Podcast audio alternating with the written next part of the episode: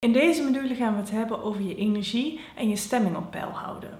Maar voordat ik daaraan begin, wil ik je eerst wat uitleggen over de mindset die je daarvoor nodig hebt. En bij mindset denk ik heel vaak aan de schouders eronder zetten, ergens voor gaan, doorzetten. Maar ik bedoel juist een andere energie, namelijk vriendelijk en mild zijn naar jezelf.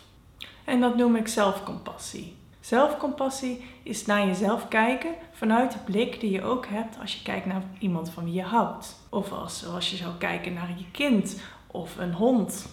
Een wezen waarvoor je wil zorgen. Als jij kijkt naar iemand van wie je houdt, dan heb, wil je, heb je het beste voor met diegene. Je wil diegene graag helpen, je wil diegene zien floreren. Maar je begrijpt ook de beperkingen. En je begrijpt ook dat, je, dat er begrip voor nodig is en dat je diegene beter kan steunen. Maar voor een ander zijn wij veel begripvoller dan voor onszelf.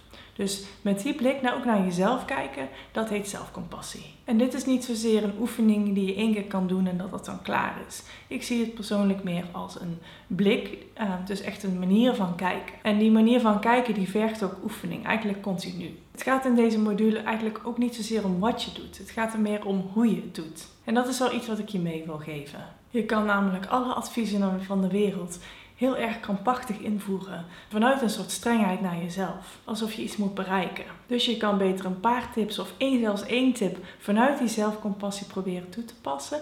Dan dat je alle tips van de wereld probeert toe te passen. Maar daarin heel streng bent voor jezelf. Met zelfcompassie bedoel ik ook niet dat je overal maar aan toegeeft. Als je ergens geen zin in hebt, of dat je al je slechte gewoontes toestaat, of dat je nooit meer iets nieuws probeert. Je kan daar juist vanuit vriendelijkheid naar jezelf, kan je jezelf uitdagen of nieuwe dingen proberen.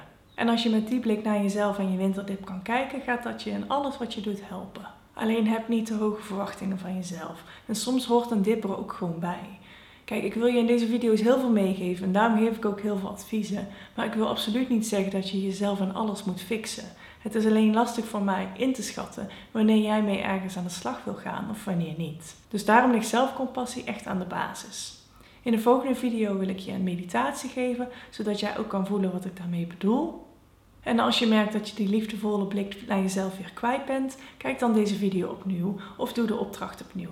En je kan ook natuurlijk altijd hulp vragen aan mij of aan de rest van je groepsgenoten. Oké? Tot in de volgende video.